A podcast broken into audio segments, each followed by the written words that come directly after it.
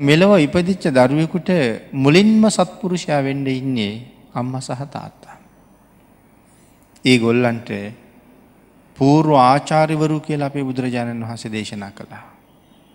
මේ දරුවන්ට පාසැල් ගිහිල්ල එහෙන් ආචාරිවරු හම්බෙන්ඩ කලින්. අම්මට තාත්තර තියෙනවල්ලු යුතුකම් ගොඩ.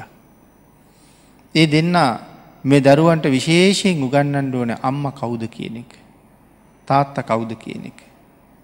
ඊට අමතරව කෑම කන හැටි පාරය යන හැටි වැඩි හිටියන්ට ගරු කරන හැටි තුනුරුවන්ට සලකන හැටි වැසිකිලි කැසිකිලි පාවිච්චි කරන හැටි එදිනදා ජීවිතයේ ඇඳුම් අඳින හැටි මේ හැම දේම මේ දෙන්න උගන්නන්න ඕනෑ. ඉතින් ඒ කාරණාව අද හරියටම සම්පූර්ණ වෙනවද කියන කාරණාව පිළිබඳව අපිට සමාජයේ පුරාම ලොකු ප්‍රශ්නයක් තියෙනවා.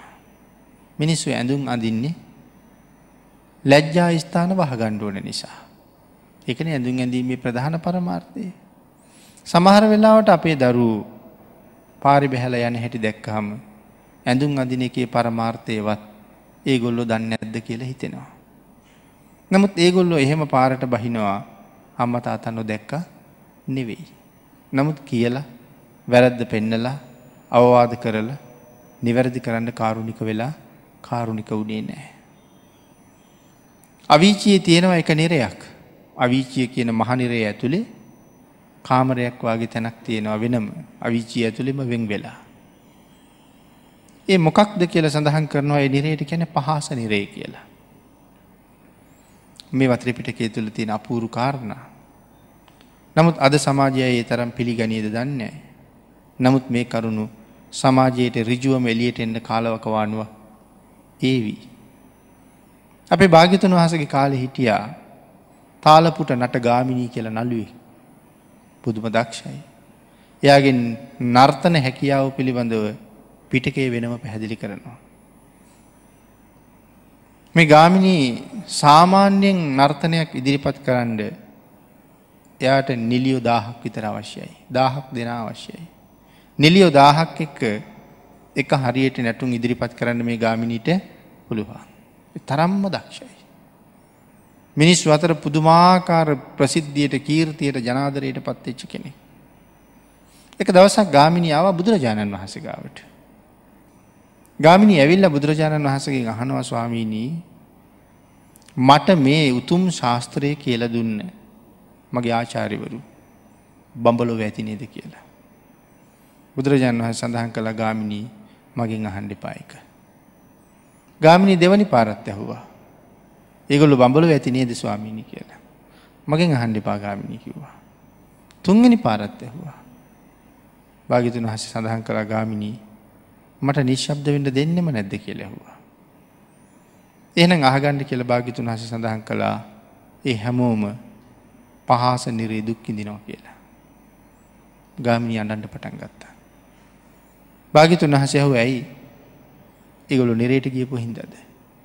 ගාමිණි කියනව නෑ ඒගොල්ලු මේ ශාස්ත්‍රයේ මට උගන්නප හිද කියලා. අඩන්නේ. එතකට ඇයි ඒගොල්ලෝ නිරයට ගියේ ඒගොල්ලෝ ඒ දේවල් ලොලින් කළේ කාගවත් හිත් නිමුවද කියල කල්පනා කරන්නකු. නැටුමකින් ගැයුමකින් වැයුමකින් ගිනිගත්ත හිත් නිමිලනෑ කාගවත්. මිනිස්සු හැම වෙලාම රාගගින්නෙන් පිච්චෙනවා.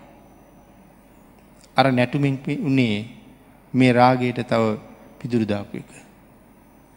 අපි අහන ගීතවලින් වෙලා තියෙන්නේ ඒකමයි. යටගියපු රාගය උළුප්පනවා. ඉලිප්පිලා තියෙන රාගය වැඩි කරනවා. සමහර ගීතයක් අහලා මිනිස්සු මොන තරං සමාජ දූෂණ කලාද ගීතයක් අහලා. ඊට අනුව කටයුතු කරන්න කී දෙනෙක් පෙළඹුණාද.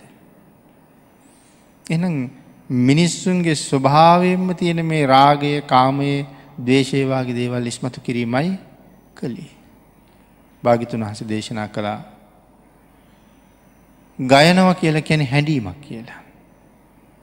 නටනව කියල කියන්නේ උමතු ක්‍රියාවක් කියලා. අපි රූපවාහනයක හරි නැටුමක් දිහා බලාගෙන ඉන්නකොට ඒක යටාවතින් සංගීතයකුත් එන නිසා අපිට ඒක වැඩිය දැනෙන්නේ. නමුත් සංගීත හඬ වහල දාලා නටන දිහා විතරක් බලාගෙන හිටියොත් එක මහ පිස්සු වැඩක් වගේ පේනවා. අර සංගීත හඬ ඇහෙනකොට එක අපිට ඒ තරන් දැයෙන්නේ. එතට මම කියන්ඩාවේ අර දරුවන්ට අඳින හැටි කියල දීලත් නෑ. ඒගොල්ලො එහෙම අඳින්නේ තව කීප දෙනුගේ හරි අවධානය මං කෙරෙහි යොමු කරගන්නට. හැබැයි ඒ ඇඳුම දිහා බලලත් තවත් කෙනෙගේ රාගේ කාමය ඇවිසෙන්ඩ බැරිකමක් නෑ. එහනම් ඒ අයගේ හිත් දූෂණය කරපු නිසා මේ අයට ඒ තුළින් අකුසල් වෙන්න නෑ කියල කියන්න කොහොමොත් බෑ. අම්මට තාත්තට හරියට හික්මෝන්ඩ පුළුවන්කම තිබුණ නං ඒගොල්ලු අතින් රැස්වෙන අකුසල් කොච්චර නැති කරගණ්ඩ පුළුවන්ද.